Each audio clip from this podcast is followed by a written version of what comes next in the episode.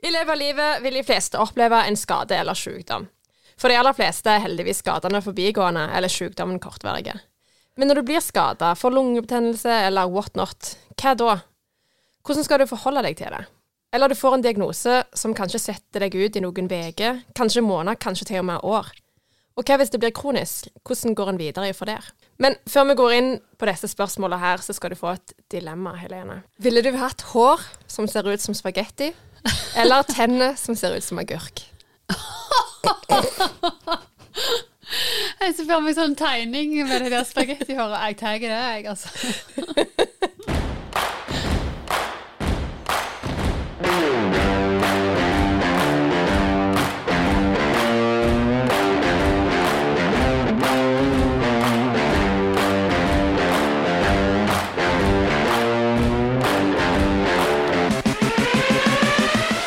Helene med spagettihår. Du er ikke det i dag, da. Du ser ganske fresh ut, by the way. Uh, takk. Hvordan, eh, nå er det jo en stund siden vi så det her og drodla. Hvordan er livet vårt siden sist? Jeg trodde du skulle si det er en stund siden du har Vært fine på håret? Nei, det syns jeg du er på. Nei, i dag tror jeg jeg er på en sånn firedagers uten å vaske håret, så det, Å, det ja. var jo lovende. Ja, Det er lenge jeg sånn en flette, for det da det så ikke veldig fresh ut. takk, takk. Hva var det du sa? Hvordan, eh, livet henger? Ja, Nei. hvordan, livet henger. Nei, altså, i dag, eh, i dag nikker jeg jo på en ja, Jeg vil si jeg tikker på en uh, nier mest. Oi. Ja, jeg vet ikke. I dag er jeg bare litt oppe sånn. Altså, jeg føler jo at eh, jeg nesten har gått på en sånn nyttårsmeld siden sist gang vi snakket. For jeg litt sånn, Hvem var hun der? hvem, var, hvem var hun som var så oppe og nikka?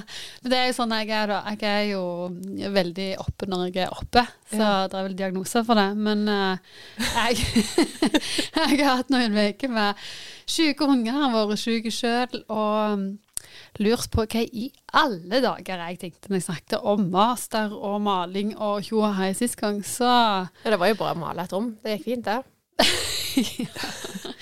Og det, i dag er jeg jo der litt uh, igjen nå. Jeg tenkte iallfall det siste uke bare Å, fy søren, så drøyt at jeg oppa, oppa så gamet der. Ja, Følte du du var litt ambisiøs? Er det det du tjener på? Ja, ja. Og det, det, er nok, eh, det er nok litt sånn jeg er skrudd sammen, altså. Ja. Det er, jeg kan hive ut mange baller de dagene der. Men du er jo en visjonær person, så Ja. drømmer. Så vi får best bare se med den der masteren. Vi får ta en oppsummering i 2023 på, slutten av året, så får vi se. Ja, ja det, det, det er jeg fortsatt veldig tro på, altså. Det må sies. Eh, men eh, jeg, jeg er landa med føttene godt planta på jorda igjen etter, etter å ha vært veldig sånn flying high. Ja, men hvis vi på en måte tar litt det som eh, Lars snakket om, at eh, vi trenger jo ikke kalle det for et nyttårsforsett, vi kan jo kalle det for et endringsønske. Og så kan det være det skjer om et annet år. Ja, ja, ja. Eh, men du, livet ditt da, hvordan henger det? Nei, livet suser og går. Vet du hva, jeg syns det har gått så sinnssykt fort siden det ble nyttår. Vi snakker jo ikke om nyttår lenger. Nei, Det er vel Altså, februar er jo snart ferdig. Ja. Det er bare helt sjukt. Jeg, nei, jeg får sjokk. Så jeg, jeg føler på en måte livet suser og går, og det er bra. Eh, Men jeg føler på en måte litt sånn eh, at jeg, eh, det er sånn hamster som springer i hjulet, og så går hjulet litt for fort. Så jeg liksom må catche opp litt hele tida. Jeg kjenner jo litt i forhold til bransjen med meg, så er jo disse månedene her Det er jo, det er jo kjent drill allikevel. At det, det går fortere, det er mer som skjer. Det er det vil si, når det liksom kommer sånn sykdom, det er vi jo aldri tid til noen av oss. Så når det kommer i tillegg til at det er travelt på jobb, og det hoper seg opp, så blir du jo litt sånn kokt i hodet. Ja, bank i bordet. Selv om du har vært sjuk og hatt sjuke unger, så har jo vi hatt veldig lite av det. Det er sånn jeg nesten ikke tør å si det høyt. Ja, ja, stemmer Så det. Jeg, jeg kan virkelig ja. ikke klage, for jeg kommer, kommer godt ut av den, altså. Men det er bare når du er i det, så er det sånn oh, OK. Du har ikke tid til den dagen der. Nei, Nei. det er ikke det. Mm. Det, det, det, det. det bare du, Du greier ikke legge den der helt i planene. Mm. Iallfall ikke nå. Nei, nei, det er det. Men uh, jeg, jeg er fortsatt ganske med sånn godt mot sånn som jeg var i starten av året. Jeg- at liksom, jeg tror det blir et sinnssykt bra år, og gleder meg til bilt mye som kommer. Så det Så livet, Litt oppe, livet, livet henger Nei, du får ikke terningskatt. En til ti, da. En til ti. dag, Jeg eh, Trodde tror du var på en grei firer i morges, da, men uh... Ja, i dag tidlig, ja. Å, vet du hva. Oh, men, det, men det er litt sånn typisk livet mitt, altså. Ja. Jeg er en drittmorgen med ungene, og så er det bare sånn Men hvis vi skal være sånn eh, så gir så gode tips og er så oppe som dere, sånn som jeg trodde jeg var sist gang hva, hva skal en gjøre da for å snu en sånn morgen? For min del så jeg er litt sånn så jeg kommer på jobb, så sier jeg sånn OK, dette var helga mi, litt drit morgen og sånn, og så sier jeg det bare. Og så tror jeg at liksom, så lærer vi litt, og så har vi en god samtale, og så lander vi på liksom ja, men Og så fjaser vi det litt vekk. Og det gjør jo ikke jeg med hvem som helst, men det er jo litt sånn meg og deg er jo heldige, da, som Eller jeg er jo veldig heldig som får lov til å ha ei sånn venninne og kollega i ett der. At det, I like måte. Eh, og jeg tenker jo at eh, meg og Lars, vi, vi var jo ikke uenige, men jeg stiller vel spørsmål rundt dette med maske. Fordi jeg, er jo, jeg er jo helt enig i at vi liksom må ha en sånn profesjonell holdning til ting. Samtidig så er det tror du kan liksom slite deg veldig ut på hvis du må være noen annen. ja, altså, jeg er i åpen bok. Altså, hvis, du, hvis jeg har en dårlig Ja, ja, dag, så ser du på meg. Ja. Men det er, jeg òg. så det, er, det er jo bare enkelt å, å at vi liksom Men det er jo for vi kjenner hverandre såpass godt. Men jeg tenker sånn generelt, hvis du ikke er liksom der som er, så, så er det jo det å kunne kommunisere at du øh, bare gi meg liksom ti minutter alene på kontoret Mm, denne morgenen her. Jeg trenger bare å få samla hodet litt, og Mm. så ta en kopp kaffe, og så skal jeg liksom skru på. Og det var jo det jeg sa til deg òg. Jeg tok med skei-te på termosen min Og og to sjokoladebiter oppi en sånn bablende kopp. Og så, når jeg bare får drukket litt på den, så er jeg klar, sa jeg. Og det er jo sånn det er. Og så er det litt sånn, når det kommer folk inn i administrasjonen, så er ikke jeg så bare sånn Å, hva er en drittmorgen? Altså, folk de, Garantert de klarer ikke å se det. Så hvis en tenker sånn maske, så ja, jeg tar på meg en, en profesjonell rolle. Ja. Men eh, sånn eh, med du og Jan Kristian, vi er tre stykker som jobber sammen. Da, det er ikke vits i å fake noe. Nei, nei, men jeg tenker sånn i et kollegiale, da. Ikke Mm. sant? At det, det å kunne på en måte få lov å i hvert fall kommunisere etter det alle dager er Du kan ikke bare gå rundt og smile hele dagen. Det hadde jo vært fryktelig slitsomt, syns Ja, jeg. Ja. men det er jo ikke det at du går rundt og er sur heller. Nei, nei. Så, men eh, da, da er vi enige om det. Og da kan jo egentlig Du er vel gått ifra en firer til en Ja, Sju, kan vi si. Det nikker på sjuen. Ja, altså, det, ti, da er det liksom Ja, kanskje jeg, Da er jeg i Barcelona. Jeg kanskje litt til, men jeg kjenner at jeg er liksom sånn er sånn uh, Men du er litt oppesen i dag, du er det? ja, ja, jeg er det. Men det er bra. Det trenger vi. Det smitter over. Men uh, apropos dette med liksom gå rundt og ikke smile hele dagen og sånn, skal vi ta oss og gå inn litt på hovedtemaet. For det at uh, når vi snakker om sykdom, så har du en historie, Helene, som det er svært få som egentlig vet om. Jeg har lyst til å fortelle litt om måte, Ja. ditt forhold til sykdom og Eh, ja, eller det vil si at eh, det er iallfall ikke noe som jeg har kommunisert mye ut, med unntak av én en gang. Så lagde jeg et eh, blogginnlegg, for jeg hadde en liten blogg. Ja. Som jeg eh, skrev et innlegg på når og da når jeg hadde noe på hjertet. Så, så da valgte jeg jo faktisk å, å skrive det. Så det er ikke liksom sånn at eh, Det er ikke sånn at det, det er hemmelig, men det er jo heller ikke noe som jeg vil at folk skal forbinde meg med. Mm. Eh, samtidig så, så så jeg at eh, akkurat den perioden jeg skrev det blogginnlegget, så var jeg veldig dårlig. Så av og til så føler du for å forklare deg òg, da, på hvorfor du går av, liksom. Så ja. Eh, ja, jeg er en jeg, I hele, hele, hele min tid eh, med den diagnosen så er det et bektraus, men nå har det fått et nytt navn som heter aksialspondyloartritt, eller noe sånt. Og det er en kronisk revmatisk betennelse som rammer spesielt eh, korsrygg. Eh, ja, det kan også være i, i eh, brystbein, eh, øyne Altså det er mange av, av ledd i kroppen, da. Men jeg er hovedsakelig har det i, i bekkenledd og, og rygg, da. Du sier betennelse. Hvordan fant du ut av dette? Når gammel var du? Liksom Det er jo litt morsomt, for jeg var student i Oslo. Og så hadde jeg eh, Jeg holdt på med ernæringsutdannelsen samtidig som jeg tok PT i helgene. Sånn at da husker jeg at vi hadde det, til og med hatt, og vi hadde hatt markløft uh, den helga. Og så var jeg skamdårlig etter det. Jeg tenkte det var det. Jeg har sikkert fått noen sånn prolapsgreier i ryggen. Eller. Men jeg var student, jeg hadde ikke råd til å gå til noen sånn lege og fysioterapeuter. Hvem er det? så jeg gikk jo bare rundt med det her nede. Og jeg husker at det var, var ring når jeg liksom skulle gå til skolen. Det, det er nok sånn som det er å ha en, en prolaps. At du kjenner at det er noe som trykker ja, både ut, ut i nervene til eller ischiasnerv og Ja, bla, bla, bla. Men uansett så, så jeg, hadde jeg perioder da når jeg var student, der jeg gikk og så slepte på den ene foten. Og sleit veldig med å sove. Og skulle ikke ta noe smertestillende, for det var jo tull. Så jeg hadde nok en lang periode der jeg ikke hadde noe. Eh, og så var jeg på ferie i Spania, og da husker jeg at jeg greide nesten ikke gå. Og da tenkte jeg sånn, OK, jeg bør kanskje liksom få tatt et bilde av denne ryggen, eller vite litt hva det er for noe, sånn at jeg faktisk kan gjøre noe med det. Så når de begynte da å ta MR av ryggen, så var det litt sånn Tilbakemeldingen var at vi må ta bilde av bekkenet, for de så betennelse i ryggen. Og så tar de en blodprøve, som iallfall bekrefter det som jeg ble veldig redd for når jeg ble utreda, da. Og det var, det var, mange runder skal sies, med utredning mm. eh, før dette her.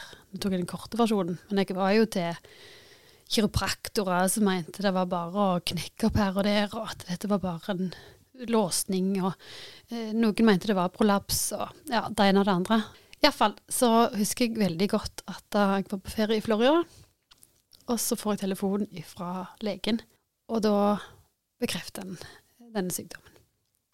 Ja, bekkedrefs, liksom. Ja. ja. Hvor lang tid gikk det ifra du måte ble dårlig av den markløften som du trodde da, til du får diagnosen? Snakker vi år, liksom? Ja. Jeg eh, Det her var kanskje i Jeg er ikke så tolv på årstall, men det er i 2007 at jeg da var student i Oslo når det her begynte. Og så i 2010 så fikk jeg diagnosen. Så det var jo Altså, jeg husker jeg fikk den telefonen, og jeg bare, jeg bare hylgrein. Fordi at jeg tenkte sånn Det første tanken er sånn Hva for meg? Hvorfor skal jeg få den her driten? ja, ja. Altså, liksom, eh, altså, da hadde jeg jo for Legene hadde jo forberedt meg på funn som de hadde hatt på MR som tyda på det. Og så er det, ja, det er kombinasjon med denne blodprøven som gir iallfall den diagnosen. Så liksom, da får du på en måte bare bekreftet at du skal ha noen vondt resten av livet, og de vil komme i bølger. Det er mm. litt sånn den her fungerer. Det er en betennelse som kommer og går. Eh, så derfor eh, jeg liksom kaller det for Ja, jeg hadde en Jeg pleier ikke å si dårlige perioder, jeg pleier å si sånn hadde en tur. Mm. altså, eh, det er litt sånn du kjenner det på gikt og greier, for det er jo faktisk det. At dette kommer jo spesielt med når det er værendringer eller ja, trykkendringer i lufta så, så, går kroppen min i betennelse. Det er vel eh, veldig mange som sliter med betennelse eller artrose i kroppen, da, som ofte reiser til Syden pga. at det er mye bedre å ha det stabilt mm. i værmessig. Ja, jeg kan nok ikke eh, vært så at jeg liksom syns at, at det har gjort sånn kjempestor forskjell. Men mm. det som er det, det gode med denne type sykdom, syns jeg, siden jeg da akkurat hadde starta et livsstilsforetak i tillegg, og skulle være hun med en sånn hinsides skavank, syns jo jeg, da. Eh, det er jo at eh, det beste du kan gjøre, er å trene. Jeg er jo gått på krykke inn i spinningsalen, og gått ut av spinningsalen uten krykke. Ja. For så god effekt har trening på eh, symptomer, da. Men det er klart at det er Ja de som har det, eller jeg tror generelt folk som er med artrose, du venner deg jo til å gå med veldig mye smerte. Og så eh, blir du jo prøvd ut i forhold til medisiner. Eh, for det første tanken er jo at jeg tenkte at eh, ja, ja, nå En måte trening var Det var, var ikke det at jeg syntes det var enkelt, for det var jo veldig vondt. Men det likevel så var det noe som var i systemet mitt å fortsette med. Så det gjorde jeg jo. Men uh, blir nok allikevel litt sånn i starten ble jeg litt sånn passiv at OK, det er bare sånn det er. Mm. Og så beit jeg tennene sammen og var veldig lenge på at jeg ikke skulle ta smertestillende og lå med veldig mye smerte. Og så ble jeg satt på noen medisiner, og det gjorde at jeg ikke Jeg husker at det, folk så bra på meg og tenkte drit i. Mm. jeg, gikk, jeg gikk sånn sånn an, liksom. Jeg bare, altså, for at rygg, ryggsøyla mi stivna. Så jeg gikk liksom masse sånn Ja, jeg gikk, ja veldig. Mm. Og så tenkte jeg drit i. Sånn er det. Ja. og så tenkte jeg jeg gidder ikke forklare meg for det. Det får bare se rart ut. Eh, men jeg husker de første medisinene jeg ble satt på, så, så løsna det, da. At jeg ikke var så stiv i ryggen. Så det var sånn Oi, jeg kan liksom, kanskje danse igjen, liksom. For det, hoftene mine ble liksom mjukere, da. Så da var jeg liksom OK, da er det noe som kan hjelpe litt, da. Det kan på en måte leves med. Ja, så jeg gikk, gikk vel veldig lenge uh, med det, men så fikk jeg en del bivirkninger med, med sånn uh, skallebank av de medisinene. Så til slutt så bare slutta jeg med de av meg sjøl. Tenkte jeg får bare ta det som kommer. Så da har jeg jo vært um, litt sånn Jeg vet ikke om jeg kan si flau, men jeg hadde jo ikke lyst til at folk skulle det er ikke liksom at jeg ikke Jeg har jo fortalt folk at det er det det er, eh, hvis jeg spurte om, og i noen sammenhenger var det naturlig å si det, men eh, det, det jeg bare vært veldig redd for å havne i en sånn offerrolle rundt det. At det, er liksom Helene med Bekterevsen, liksom. Ja. det, det vil jeg ikke være. Og det er viktig for meg i forhold til å formidle det her òg, at jeg, eh, jeg syns selvfølgelig fryktelig synd på meg sjøl i starten. Og bare Jeg var, syntes det var skikkelig urettferdig. Kunne heller hatt den der astmaen til søstrene mine.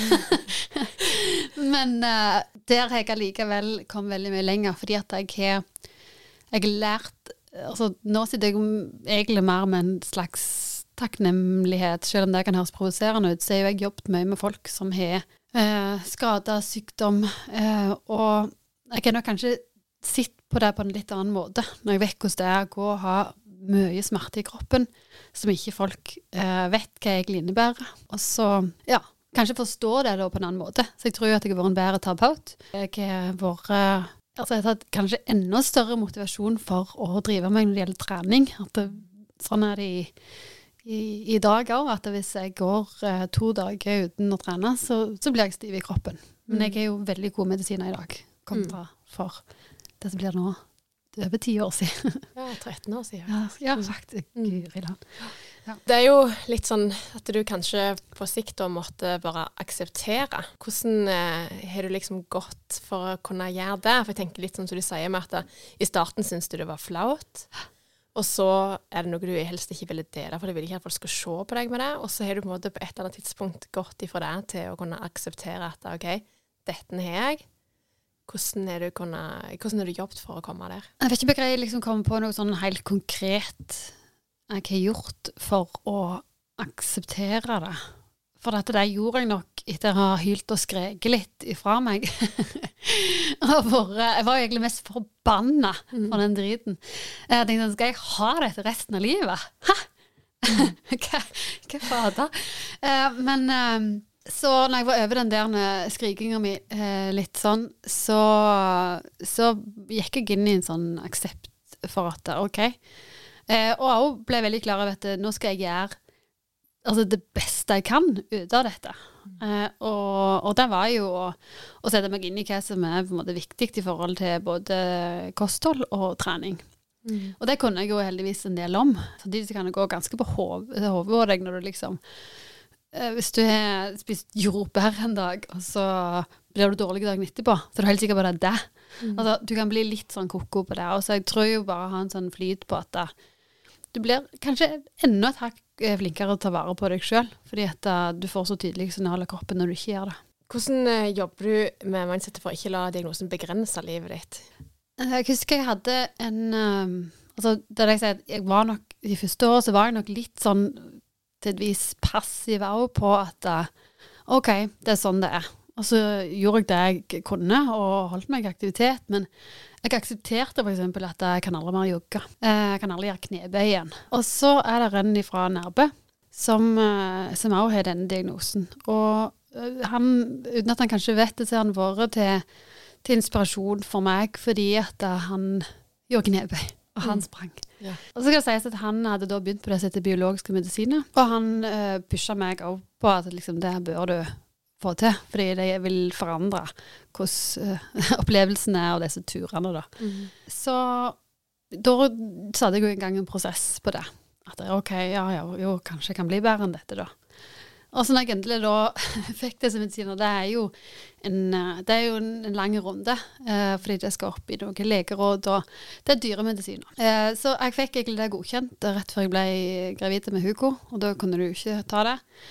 Og så gikk jeg gjennom svangerskap, og det Egentlig så, var det helt greit. I svangerskap ble jeg eh, sånn halvveis av tida sykemeldt, fordi at da, da er du så ustabil dager, og jeg kan ikke ta noen ting smertestillende. For det, det lærte jeg meg jo til at i perioder så må du det.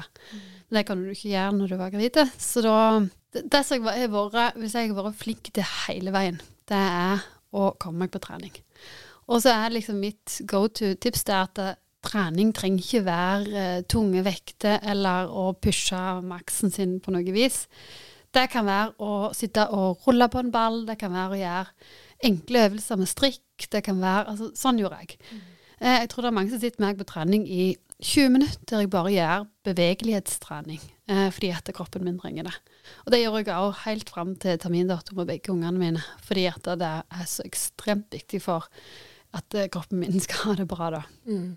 Men eh, når jeg da hadde fått Hugo, så var det litt sånn i forhold til det som medisinene at de ville vente til hormonene stabiliserte seg for å se når de eventuelt satte meg på biologiske. Eh, og da han var syv uker, så havna jeg på legevakta på natta.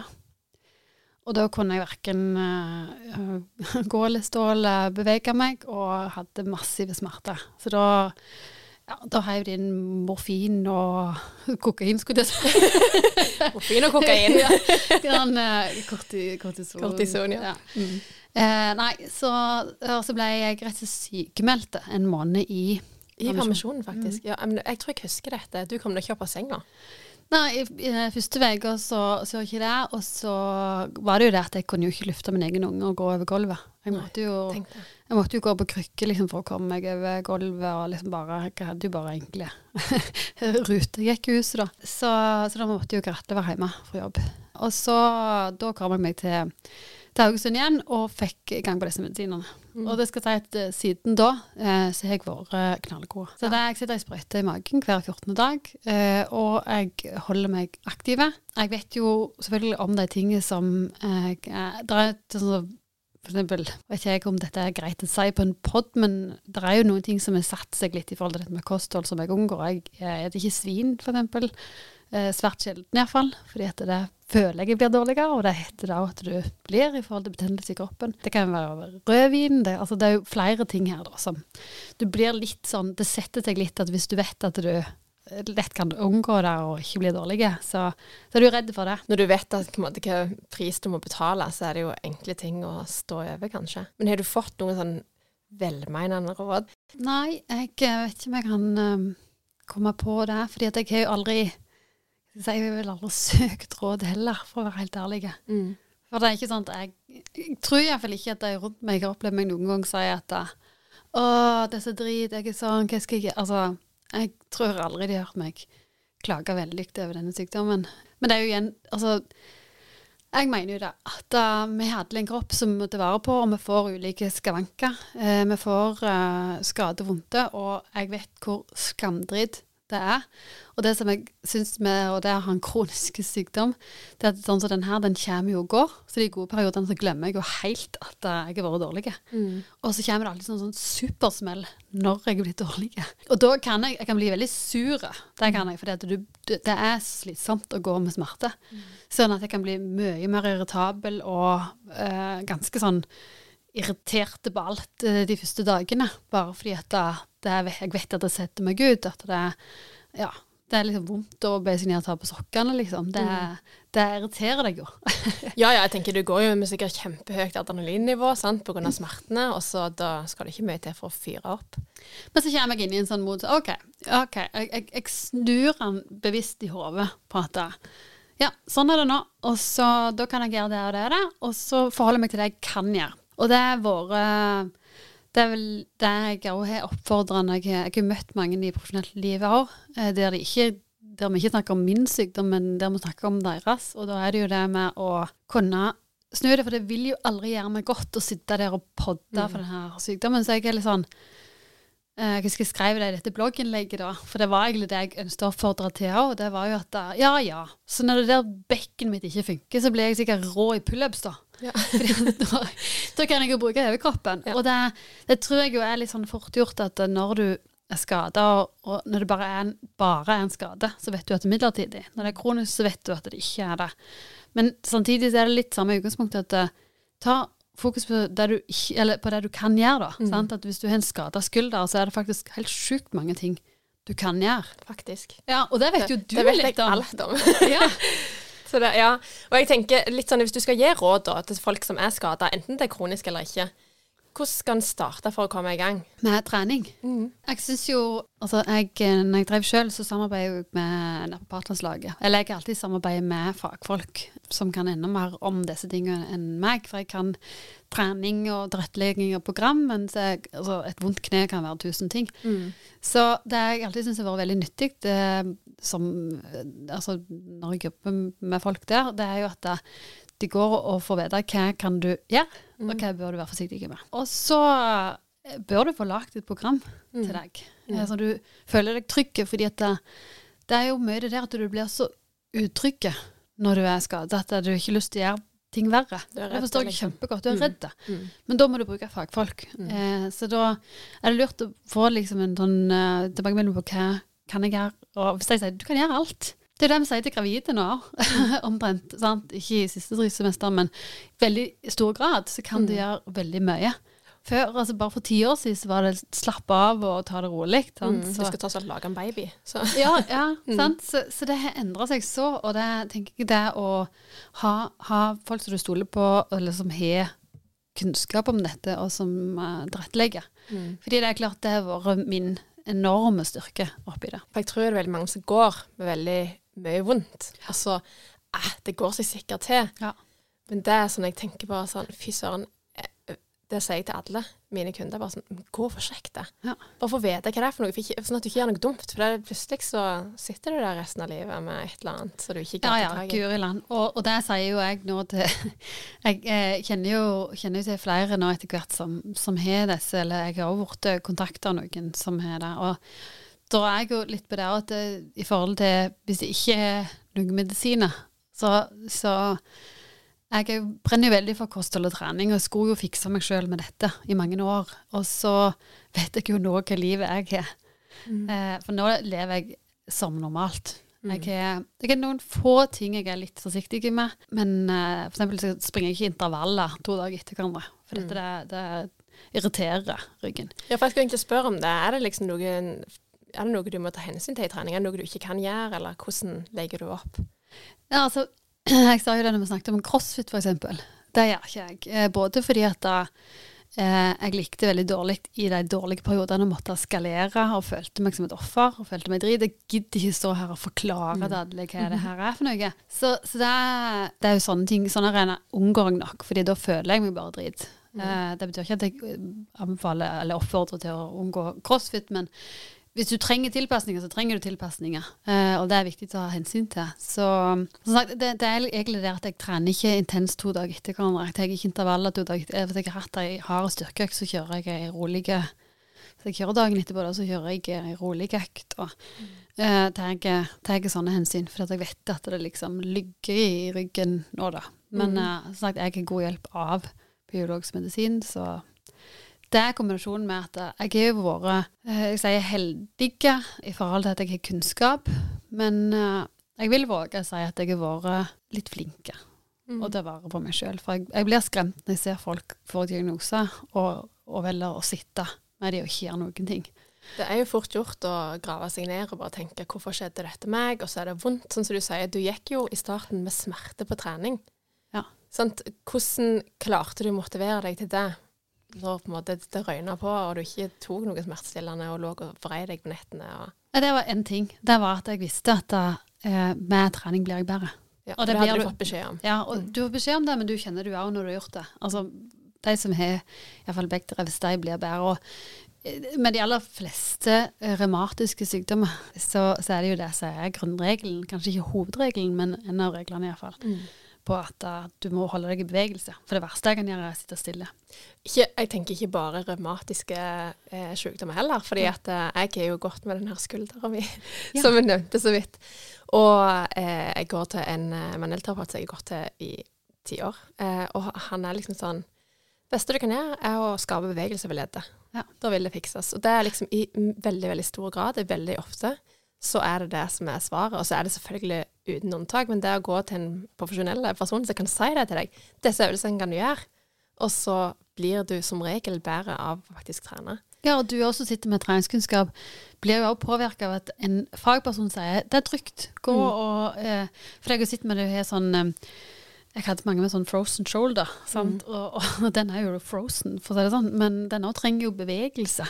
Sant? Så det er, det er tusen sånne ting. Men for deg, da, som Da fikk du en kronisk, men når du faktisk blir skada Dette jeg jo sett på fotballspillere, at dette er, altså, det er en mental prøvelse når du blir skada. Du er liksom godt i gang med et program du skulle gjøre, eller Vi har jo alltid planer eller mål, eller sånn. Og så blir du skada. Hvordan var det for deg? Nei, jeg, jeg syns det Du skulle jo tøffe deg litt. bønn i var- Ja, skikkelig Nei, det var ikke muscle oh, nei. Nei, nei, det var jo en øvelse som jeg absolutt hadde forutsetninger for å klare å få til. Det var du skulle ta en burpees, og så skulle du hoppe opp i en pullup-stang, skulle du ta en pullups. Og det er to øvelser som jeg i og for seg klarer helt fint. Ja. Men når jeg hoppet opp i den stonga der, så skjedde det en vridning i skuldra, og liksom hun som jeg trente lag med, hun bare sånn Shit, jeg så ikke liksom at det skjedde noe. Og så kjente jeg ikke så mye der og da, men så gikk jeg og murra, murra. Og så eh, gikk jeg ganske lenge, for jeg tenkte sånn at det går seg til. For jeg har hatt noen smeller i skuldrene før. Men så ga det seg aldri. Og jeg, pressøvelser over hodet og pressøvelser foran kroppen var liksom dritvondt. Og det er sånn som du sier, en ting er liksom med når du på en måte vet at ja, trening blir bedre og sånn, sånn, men jeg var redd for at Mm. liksom, har jeg revet av noe? Og selv om jeg kan veldig mye om trening, så er jeg alltid sånn nå, er jeg, jeg er kjempelav terskel for å gå og få ting. Selv om jeg gikk litt for lenge i forhold til det jeg egentlig tenkte jeg burde. Og så går jeg og får vite, han bare ja, her er du væske på leddet, det er en delvis avrivning av den ene, ene muskelfiberen. Og bare, men trening er den beste medisinen. Og da var jeg sånn, ok, men da er det good, for jeg torde jo ikke gjøre ting. Og det er litt sånn det der med mindset, som du sier, sånn som fotballspillere og alle som måtte leve, måte lever. Det er jo ikke, måtte, måte, jeg, jo ikke, jeg lever jo ikke av å kunne presse ting over hodet eller foran kroppen min. Altså, det er jo ikke på en måte så Nei. viktig. Men det handler på en måte litt om eh, hvem jeg er, og hva jeg liker å gjøre på trening. Og når det er liksom ganske mange ting jeg ikke kan gjøre lenger, så er det litt sånn Det blir litt sånn bånd i bøtta. Og dette skjedde 14. Og sant, i januar, når det begynner å bli ganske fullt her på treningssenteret, så ser jo jeg alle som går og trener alle øvelser som jeg ikke kan gjøre, og jeg kjente jeg ble bare irritert. Bare sånn Åh, så må jeg gå her med sånn alternativ greie og trene litt i slyngene og liksom sånn. Det var, det var så gørr. Men er det litt sånn som du sier, at det, det bare bare gå. Så da kutter jeg bare de tyngste øvelsene, som jeg syns er litt sånn Må psyke meg litt opp til, bare fordi at det, OK, jeg driter i dem, bare fordi jeg må komme meg på trening. Det ikke skal være så tungt å gå i utgangspunktet når det er litt mentalt eh, drit. Så ja, så går det seg jo til, da. Men det tar ja, det gjør det. Jeg kom på det at faktisk akkurat nå så Jeg var på trening på, på lørdag, og da kjenner jeg at jeg, eh, jeg prøver å gjøre en knebøy bare med stanga. Og så kjenner jeg ganske god smerte når jeg er liksom nederste punktet. Da begynner ikke jeg å lese på vekt og tenke nå skal jeg bite tennene. Altså, da skjønner jeg at da, Det er jo det jeg mener med å lytte etter kroppen, at jeg gjør ikke ting med smerte lenger. Mm. For da tenker jeg det bare trigger det og gjør det verre. Men ja, så prøvde jeg utfall, da. Kjente ingenting. Det er Ja. godt, det. Så da kjører vi Altså, det, det er jo jeg, jeg tror at uansett om du ikke har um, tok en PT-utdannelse, så, så er det litt å så snu mentaliteten på at hva kan jeg gjøre? Mm. Altså, hvis jeg ikke kan springe, kan jeg uh, summe, da. Det gjorde eksempel jeg i mange år. Jeg gikk også og sumte i stedet for, at, eh, for jeg ville ha en eller annen Eller jeg tok jo òg og sykla, det syns jeg er dritkjedelig, så det måtte jeg slutte med. Og så kjøpte jeg på et tidspunkt så kjøpte jeg rulleskøyter. Ja. Det skulle du sett. Jeg kom med knebeskyttere, albuebeskyttere, hjelm og jeg har alltid vært ganske dårlig på rulleskøyter. Jeg husker dette liksom fra ungdommen. Jeg burde jo ha tenkt på det når jeg var ambisiøs med disse rulleskøytene, men altså, med første bakke Jeg har jo aldri kunnet bremse, vet du. Jeg kjører rett inn i et tre. Så jeg bare tok av meg det rulleskøytet, så var den karrieren over. Ja, Men eh, ja, jeg har faktisk opplevd sjøl uh, Og det var at jeg skulle, skulle tøffe meg Du hører at jeg skal tøffe meg en del, da. Men Ja, ja. eh, jeg skulle kite i litt for mye vind. Så tar jeg kiten opp i lufta, og så fyker jeg av gårde. Jeg holder jo fast i den med ei hånd. Så da rykte jeg jo eh, Det var et eller annet jeg rykte ut av skulderen iallfall. Og det, apropos skulder, så da fikk jeg jo kjenne på i mange måneder hvordan den påvirker. Det er jo et av de viktigste leddene vi har. Bare når du står og dusjer, så skal du få av treningstoppen, sant. Det var jo et hekkan. Sånn at da, det er jo åh, det, Vi vil jo ikke være skada, så enkelt er det. Ja. Men det er jo Men det er likevel å snu stopp. Ja. Aldri stopp. Mm. Gjør det du kan, da. Så kanskje blir du dritgod og sitter på sånne formroller og eh, bare hold deg gående. For jeg er jo opptatt av det. Det er jeg jo i forhold til, til gravide òg. Eh, og det er selvfølgelig en skummel plass å gå inn. Men eh, der òg mener jeg jo at uh, du kan gjøre litt. Altså hold, hold gående vanen, pleier jeg å si da. Mm. Bare sjekke Det er ikke så du- viktig ja. at hva du gjør. Altså. Jo, jo, det er veldig mye ting du kan gjøre for å liksom holde Altså, Tenk på alle de tingene som du skal gå og bære på et barn etterpå. Du får dritvondt i skuldrene. Ta, tren skuldrene. sant? Mm. Tren ryggen din. og tren, Du blir tyngre framme, så ryggen trenger å styrkes. Altså, det er masse sånne ting som er bra å gjøre, men jeg tenker det absolutt viktigste er faktisk bare å holde på vanen. Mm. Ja, jeg tror det er det, jeg tror det, er det som er for dette, sånn som typisk når du får en tur, da. Folk får en tur i ryggen, eller et hekseskudd, eller du går på frisbeegolf, og så river du av et, eller, eller liksom det røsker til. Så er det sånn OK, vi må faktisk bare holde vanen gående, for hvis ikke så det, blir dørstokkmila så sinnssykt lang når du skal i gang igjen. Og så går du ned i kilo på alt du har trent før. Det er jo det jeg kjenner på. Jeg vet sånn som nå. Jeg satt liksom og trente brystpress og måtte gå ned nesten åtte kilo på hver hånd. Og det var sånn Altså, det er jo Det er litt, litt sånn som du sier, det der med å eskalere når du er vant med det. Men så er det sånn OK, nå sjekker jeg av treninga, og så skal jeg ingenting. Jeg skal ikke bli med i et mesterskap. Jeg, jeg trener for helsa mi, og da må jeg faktisk bruke tida. Og så bruke tida sånn at jeg faktisk om fem år og ti år har bedre helse enn det jeg har nå. Og da skal det ikke være noe ekstremt. Det skal ikke gå på bekostning av ja, smerte eller ja, alt det der greiene der. Du må liksom ta noe som er, ja, funker. Du, det er jeg helt enig i. Eh, fordi jeg tenkte litt på det når vi snakket med Brikt. Da sa jo han egentlig det. Da var vel han inne i en periode der han var skada og ikke kunne gjøre det han syntes var kjekkest. Og det skal jeg si, altså det har jeg eh, Jeg har absolutt vært i en dump der. Det er ikke sånn at jeg bare oh, to dager, så jeg på han igjen. Altså, jeg, jeg, spesielt kanskje når jeg trente crossfit, at jeg syntes det var, var skamdrit når jeg ble dårlig. Jeg ble ikke skada, men jeg ble, dårlig. Jeg ikke, hadde ikke sjans i å gjøre det, jeg gjorde. Sånn at da var jeg sånn Nei, jeg går tur. Og det er jo kjempefint å gå tur, men jeg kunne ha trent litt styrkere, bare jeg kunne gjort noe annet enn det jeg syns da var veldig kjekt. Jeg syns det er deilig å springe intervaller, fordi det er den beste sånn en mentale følelsen etterpå. Men det er jo noe som jeg begrenser til én gang i uka, fordi jeg må det. Denne podkasten er spilt inn på og av Varhaug idrettslag. Visste du at vi er Rogalands største fleridrettslag med 1800 medlemmer og ni idretter under samme tak? Nytt av året er amerikansk fotball. Velkommen. Jeg, jeg tror jo uh, litt sånn når Altså, jeg har jo jobbet med fotballspillere, og da Noe av det første som vi liksom gjorde når noen ble skadet, er jo faktisk å legge en plan. Legge fort en plan. For OK, vi snakker en skadeperiode på 6-8 uker her. Hvordan skal det se ut? Og da, da er det jo alt ifra kosthold som reguleres, kanskje fordi at du er mye mindre aktiv. Det er ikke så gøy å gå opp fem kilo i en skadeperiode. Men det er jo selvfølgelig på profesjonell plan, men dette skjer jo òg på privaten, ikke sant? At Ja, ja, så var du i en god stim, og så blir du skada, og så øh, så er alt drit. Mm. Og så går det utover den mentale delen. Sant? At det, det gitt meg jo noe. Det var ventilen min. Det, ja, vi konkluderer kanskje med at det gjør noe å holde vanen. Ja. Og at uh, det er lurt å oppsøke en fagperson for å bekrefte hva du kan gjøre, og hva du bør være forsiktig med. Men du har jo uh, Du har jo ikke kunnet sprunge på mange år. Nei, det er jeg faktisk ikke. Nei. Det er faktisk ti år siden jeg eh, kunne Eller for ti år siden så sprang jeg veldig mye. Jeg hadde Skal prøve å forklare liksom min reise, da. For jeg, eh, jeg også har faktisk eh, kronisk eh, sykdom, men ikke sånn som deg. Ikke en diagnose, på en måte. Men jeg eh, kom hjem fra Sør-Amerika, og så da hadde jeg bodd uten sjøgrense i et halvt år. Og jeg bare jeg kom hjem, jeg bare jogget og jogget langs sjøen. Jeg syntes det var helt fantastisk. Og for første gang i livet så husker jeg det var sånn Jeg husker akkurat hvilke klær jeg hadde på meg, hvor jeg var hen, og bare jeg ser på klokka mi, på pulsklokka, så er det sånn «Hå! Jeg har sprunget i en time, og jeg har ikke sett en eneste gang på klokka. Jeg sitter ikke og jager i tid, ingenting. Jeg bare liksom Fy søren, dette elsker jeg. Og så begynte det å murre litt i kneet nå. Men så var det sånn, det bare murte litt akkurat etter jeg hadde blitt litt kald, og så gikk det over. Og så jogget, styrte på, trente masse. Ja, så over tid da, så begynte det å ta seg litt opp. Og så gikk jeg på idrett i, på Universitetet i Stavanger, og så hadde vi masse forskjellige ting. Vi hadde skøyting på DNB Arena. Eh, Jeg kjente jeg hadde ganske vondt da. Det var sånn, nå begynte jeg å ta smertestillende. Så hadde vi vært på skikurs. Eh, da hadde jeg faktisk begynt å ta Voltaren for å kunne gjennomføre skikurset. Så når vi kom hjem, så skulle vi ha turn. Og da skulle vi ha Vi skulle springe på sånn der en trebrett, sånn springbrett. Og så skulle vi hoppe opp på en eller annen sånn der bom, og så Ja.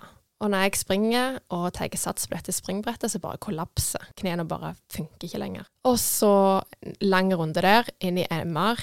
Eh, kommer til ortopedisk avdeling i Stavanger, får beskjed av ortopeden. Du har brusken bak kneskålen din er ødelagt. Eh, på begge knærne, men det ene kneet var verst. Du må vurdere å skifte yrke. Du bør ikke ta gå denne idrettsveien her. Og så må du slutte å sitte på huk og knytte skoene dine. Dette kommer du, du kommer til å kjenne på smerte resten av livet. Og jeg var litt sånn altså, Går det an? Altså, går det an at livet på en måte at det, du bare ødelegger noe sånn på Du tenker liksom at du blir skada, men du blir bedre igjen, sant? Men, men var det altså det var altså, du, Har det vært ødelagt av springinga, eller har det ligget der på en måte bak? Det har nok vært jeg, jeg, husker liksom at jeg har hatt sånn murringer i knærne helt til jeg gikk på ungdomsskolen. Mm. Men det er nok bare blitt en belastningsskade over tid. Og så var det, det sånn Jeg fikk en yrkesskade, så jeg har så jeg registrerte det, og der står det liksom at det, eh, dette skjedde ved et traume. Og da sier det liksom at det, det som gjorde at det ble ødelagt, det var på en måte det hoppet der på springbrettet. Men sant, det har jo vært en slitasje over tid, så det var liksom bare det som skulle til. Det kan godt være det kunne vært noe annet. Det kan godt være at jeg var ute og gått på rollerblades eller på slalåm eller hva som helst. Så det var liksom akkurat den greiene der på universitetet som gjorde at det, det var da det skjedde. Og så var jeg litt sånn Søren, jeg er 22 år, så skal jeg få liksom beskjed om at jeg må omskolere meg. Altså, jeg var sånn, det, det skjer ikke. Så jeg eh, fant ut litt sånn som så vi snakker om da, dette med å liksom snakke med fagpersoner. Jeg snakket med en ortoped, han hadde sikkert kjempepeiling, altså. Men eh, jeg ga meg liksom ikke tenkte nei, nå, jeg, jeg, tar kontakt med NIMI, altså Norsk idrettsmedisinsk institutt i Oslo, som jobber med toppidrettsutøvere. Jeg var sånn Nei, få en second opinion igjen. Wow. Så jeg eh, betalte for fly, reiste bort, snakket med ortoped der. Han hadde fått MR-bildene mine og så på det, og han bare sånn Ja, Ann Helen, brusken din er ødelagt, men eh, hvis du trener tung styrke, så kan du avlaste kneleddet ditt, sånn at uh, du ikke vil gå og kjenne på smerte konstant. Men det kommer til å være en reise, og du kommer til å ha mye vondt men det kan bli bedre på sikt. Så da fikk jeg oppfølging av en eh, idrettsfysioterapeut, og så begynte å trene tung styrke. La om hele, hele greiene. Og jeg husker veldig godt at jeg, jeg kom liksom til en fysioterapeut litt sånn som du òg sier, liksom sånn at hvorfor meg? Ja. Det er så mange folk som har lyst til bare å ha en unnskyldning for å ligge på sofaen, husker jeg jeg sa til han. Og så kommer jeg der så elsker å gjøre alt. Jeg elsker trening, jeg elsker å gå på rollerblades. Jeg er klar faktisk å bremse på rollerblades. elsker å jogge. Sånn. Jeg hadde endelig liksom kjent på den der flying high-følelsen. der jeg bare liksom ikke, Det var ikke jeg skulle bli bedre på 3000 og 5000, men nå bare elsket jeg det for på en måte trening og sin del. Og så skal det skje med meg. Og han bare sånn Men Ann Helen, nå, nå er du i den modusen der at du tenker på alt du ikke kan gjøre. Han bare Jeg har knust begge knærne mine elsker å stå på slalåm. Jeg vet alt. Jeg kjenner så igjen tankene. Men nå må du snu. Det er så mye du kan gjøre. Og det er en sånn setning For meg så ble det bare sånn noen som ser meg i øynene og liksom litt sånn voksenkjeft. Men det var liksom med omsorg. Ja. Og det har bare fulgt meg resten av livet. Fordi at jeg starta jo på en reise der jeg ble dødsglad i styrketrening. Og eh, begynte å elske det like mye som jeg elsker jogging. Og syns jo selvfølgelig det er kjipt at jeg ikke kan jogge av og til. Men så er det litt sånn OK, men jeg gidder ikke dvele for mye med det, for det, det, er sånn det er. Det er liksom ikke noe jeg kan gjøre med det. Og så ja. det, det, er jo den beste plassen å komme, eh, og det er jo det er jo den jobben du gjør sjøl, med å omdefinere i hodet. Altså, skal du være den som aldri kan springe, eller skal du være den som kan trene styrke og tung styrke? Mm. Fordi da, da, går det greit med kneet. Ja, da, i, perioder, altså, i perioder så kan jeg greie den. Hvis jeg, jeg elsker jo å gå på fjellet. Og da vet jeg at hvis jeg tar denne fjellturen her nå, så kommer jeg til å ha vondt i noen dager. Hvis den er ganske bratt og litt sånn heftig, så kanskje noen uker. Så vet jeg at det går seg til hvis jeg måtte bare ta litt hensyn etterpå. Men du ser ikke meg på sånn der hopp og sprett og vridning av knetimer. Eh, jeg kan ikke spille padel, eh, som mannen min er blitt hekta på. Jeg kan ikke hoppe hoppetau. Da må det være sånn kjempesmå hopp. Jeg kan ikke jogge. Jeg kan ikke ta eh, knebøy der jeg går langt under 90-gradene, altså men, sånn, men jeg kan gjøre veldig mye annet. Og da er det sånn OK, jeg gjør de tinga av og til som jeg vet jeg kan få vondt av, for da syns jeg det er verdt det. Det er verdt å stå på toppen. Ja. Men det er ikke verdt det for meg å gå på en eller annen time, og så skal jeg bare gjøre det bare for å følge med og henge med på timen. Så vet jeg at jeg får vondt etterpå. Da kan jeg like heller gå i studio og gjøre noe sjøl. Så det er litt sånn OK, jeg, jeg må på en måte vite er dette er prisen å betale verdt. Og så blir litt sånn som du også sier, at du gidder liksom ikke gå om til å si til folk at nå har jeg vondt, eller dette gjør meg vondt. Nå bare gjør jeg alternativ. Nei, dette kan jeg ikke gjøre. Og så gidder jeg liksom ja, jeg sliter med kne nå, liksom. Men uh, så er det sånn Ja, når blir du frisk? Det er sånn Aldri. Nei, men da er det jo det er en kronisk skade, så det er jo samme kategori, vil jeg jo si. Og det går på de samme, altså den samme mentaliteten, at du, du er på en måte bare Og jeg tenker at det er så viktig at folk får lov å skrike litt ifra. Så jeg mener at vi sitter jo ikke med fasiten på hvordan dette skal gjøres. Men samtidig så har vi jo gjort dere noen erfaringer på at det, det gjør deg sjøl bedre Mm. og heller fokusere på hva du faktisk kan gjøre. Ja. Eh, og det er jo noe jeg ser, altså spesielt blant løpere, da. Så kan de springe mye inn til en viss alder, og så kommer skadene. For de aller fleste. Noen, eh, noen står over den, men for de aller fleste gjør det det. Og jeg mener jo spesielt damer 40 pluss kan ikke bare springe. De må trene styrke. Det blir viktigere og viktigere for hvert år vi blir eldre å trene styrke. Så da, liksom, da kan jeg snu på det og si takk og lov at du fikk styrke inn i Godt jeg bare heiv meg av bølga. Så hadde du blitt en av de som suste inn i 40-åra der, men eh, Ja, ja, ja. springe rundt ormen på brynet.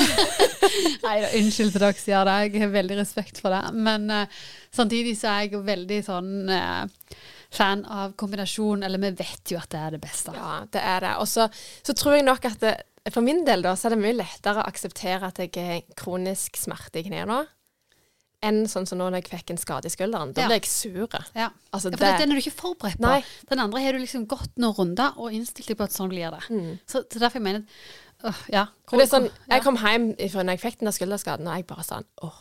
Jeg var så irritert. Jeg var sånn Jeg er for gammel til å holde på med det her. Sant? Det blir sånn. Og så er det sånn nei, Ja, men det går seg jo til. Men, men det syns jeg er mer på en måte drit, det kortvarige, enn det som du bare på en måte må akseptere. For det har jeg jo på en måte hatt, og det tror jeg nok folk kan kjenne seg igjen i. Men så tror jeg at det, hvis du skal på en måte komme deg videre i treninga, så må du faktisk akseptere at sånn er det, hvis du har noe kronisk. Og så må vi se løsninger. Ja. Mens når du på en måte ikke har noe kronisk, men det er noe sånn der en akutt skade som oppstår, så er det litt sånn OK, så må du bare Du må snu der. Mm. Hva kan jeg gjøre utenom? Nå kan jeg bli dritsterk, sånn som du sier, i graviditeten. Jeg hadde så mye bekkenløsning og drit, jeg kunne ikke gjøre noen ting med fødene. Ikke en eneste utfall, ikke en eneste knebøy. Og fytti grisen, jeg hadde enarms roing, var jo Jeg trente under øvelsen til jeg spydde. Men, eh, men jeg ble heller sterk i ryggen, og jeg har aldri slitt med å liksom kunne lufte ungene mine over hodet, f.eks. Jeg syns det er så nydelig at du sier akkurat dette, fordi jeg tror det kan være veldig provoserende å bare høre ja, men sånn, så, er du skamdårlig og kanskje trøtt og kvalm og alt det der når du er gravid. Da, nå er ikke det en sykdom for all del, men allikevel så er det en tilstand som, der du syns det er mer utfordrende. Og bare gjør noe. Mm. Jeg husker også at jeg har gjort i sånne dårlige perioder eh, der jeg faktisk ikke har kommet meg til treningssenteret. Så jeg har hatt ei matte, og så har jeg hatt yoga med Adriana på YouTube. Ja, men seriøst, YouTube er konge. Ja, jeg vet. Altså Fem-ti minutter drar hun meg gjennom, så er det jo selvfølgelig ikke alt jeg kunne gjøre, men det er jo ingen som får med seg. sant? Nei, For Det er bare meg i min egen stue. Så Altså, jeg har litt sånn vilt sånn cheesy sånn YouTube-kanal som jeg òg av og til har fulgt. Pop Pilates. Det er sånne amerikanske som har sånn denne pilates, som så er sånn intense. Men det er sånn store vifter med armene i 100 år, og det er sånn syre tar deg til lyks. Men det er sånn min go to når jeg ikke gidder. Og jeg tenker sånn, sånne ting. Bare sånn, Folk tror kanskje at vi alltid stavrokker bort på det der treningssenteret. Det gjør jeg altså ikke. Noen ganger er det så tiltak, og så er det bare sånn Nå vil jeg bare sjekke inn. Så er det bare en ti minutter. OK, jeg går og leter. Nå gidder jeg ikke ta mer enn ti minutter. Og så bare gjør jeg det, og så er det sånn klapp på skuldra. Jeg er fortsatt en person som trener regelmessig, og så er det good. Nei, men hvis vi skal oppsummere det som vi har snakket om i dag, da. Altså få gang. så ja. Og så er det jævla som dreier. Det er jo egentlig det. Ja. Det er faktisk så enkelt, men likevel så sikkert provoserende. Når Ja. jeg vet jo at det er provoserende når du står i på en måte smerte og Ja, sånn. det, det det det er. Det, Mm. det, må jeg bare, det må jeg bare få sagt, at det er provoserende at når du liksom står og får ting det høres så enkelt ut. Mm. Ikke sant? Eh, Og vi har, jo grener begge to ganske mye Ja, ja. i disse fasene der vi, liksom Det er ikke bare sånn at det, OK, så fikk jeg kronisk kneskade eller bekkrøs, og så går du videre med livet. Det er jo ikke sånn det er Nei, nei, nei. Det, det, det er prosesser, de, de må en gjennom. Men jeg tror at det kan være greit å så høre sånn som jeg sier, at jeg kan nok kanskje ennå sittet passivt litt tilbake. Du har jo vært litt sånn framme i shortsen eh, på at du skulle til idrettsmedisinsk der og sånn. Jeg var jo ikke i nærheten. Jeg aksepterte jo kanskje for fort. Så jeg syns jo i dag at det, det er måte såpass gode medisiner, og det jeg vil slå et slag for eh, når det gjelder min sykdom, men også eh, mange sykdommer i dag, det er at det, det koster Norge AS så hinsides med penger om at jeg hadde blitt uføre. Mm. At om de må utrede meg opp og i mente og gi meg medisiner som gjør at jeg kan jobbe fullt sånn som jeg ønsker, fordi at det er eh, veldig mye billigere. Fordi at det, det er utrolig mange, og- fullt forståelig, så havner utenfor arbeidslivet pga. kroniske sykdommer. Det gjelder eh, mangel på søvn, det gjelder eh, å gå med smerte. Eh, og du, altså, livet skal ikke bare bestå av å eksempel jobbe, da. Du skal ha overskudd til relasjonene rundt deg og familie og andre ting enn det. Så derfor jeg, jeg kjenner jo folk som står i, i limbo der de kanskje skulle ha gått redusert, uh, fordi at da, det, er- det er tøft å håndtere livet ellers, ikke sant? Eh, så jeg, jeg syns jo bare det er så viktig at en finner, finner litt sin vei inn i der, men òg når det gjelder selve sykdommen, så er det jo ta vare på deg sjøl. Og det kan godt være at du må Uh, være redusert i jobb, men da kunne jeg bruke tida på trening. Det skal sies at når jeg ble uh, sykemeldte når jeg var gravid, så gikk jeg på trening hver dag. Og det så jo kjempedumt ut for mange. Ja, folk kan bare tenke hvorfor er det du ikke på jobb hvis du kan gå på trening? Ja, ja, kanskje gjør de det, men, men samtidig så var det jo det som holdt meg på en måte på beina og gjorde at jeg hadde overskudd til, til å på en måte mestre livet. Og igjen så var det jo at det, det var ikke en jobb jeg kunne tilrettelegge for i forhold til sykdommen som gikk så mye opp og ned. Men uh, jeg, jeg tror jo òg at det er viktig å koble på arbeidsgivere her. For jeg tror mange arbeidsgivere òg er villige til å strekke seg langt for å holde deg i jobb hvis du sliter med kroniske sykdommer. Og det er en sånn bank til arbeidsgivere òg. Det er jo at det, er så billig å putte helsetiltak inn i en bedrift, som f.eks. tilrettelegging med trening. Altså, er, Har du en jobb der det er mye sittestillende rygg og nakke, det billigste du kan gjøre, det er å ha en treningsøkt i uka for å holde folk friske. Og det gjelder med eller uten sykdom. Ja, det tenker jeg er dritbra å ta med seg videre. Og så er det sånn, det er jo noen snakker litt sånn kroniske ting som kommer på. Har en akutt, stikk og få hjelp fra en fagperson. Jeg lurer på om vi bare runder av der, faktisk. Ja, det var så godt. Men jeg kan jo minne om at uh, neste uke så kommer selveste Ingerin Dubai. Ingerin Dubai eller Ingerin Egersund. Åkkaby. Ja, hun flytta der, men vi kjenner henne kanskje best som uh, hun sprekingen ifra som bodde i Dubai, iallfall. Rå dame. Ja. Det blir gøy. ja, det blir gøy. Gled dere.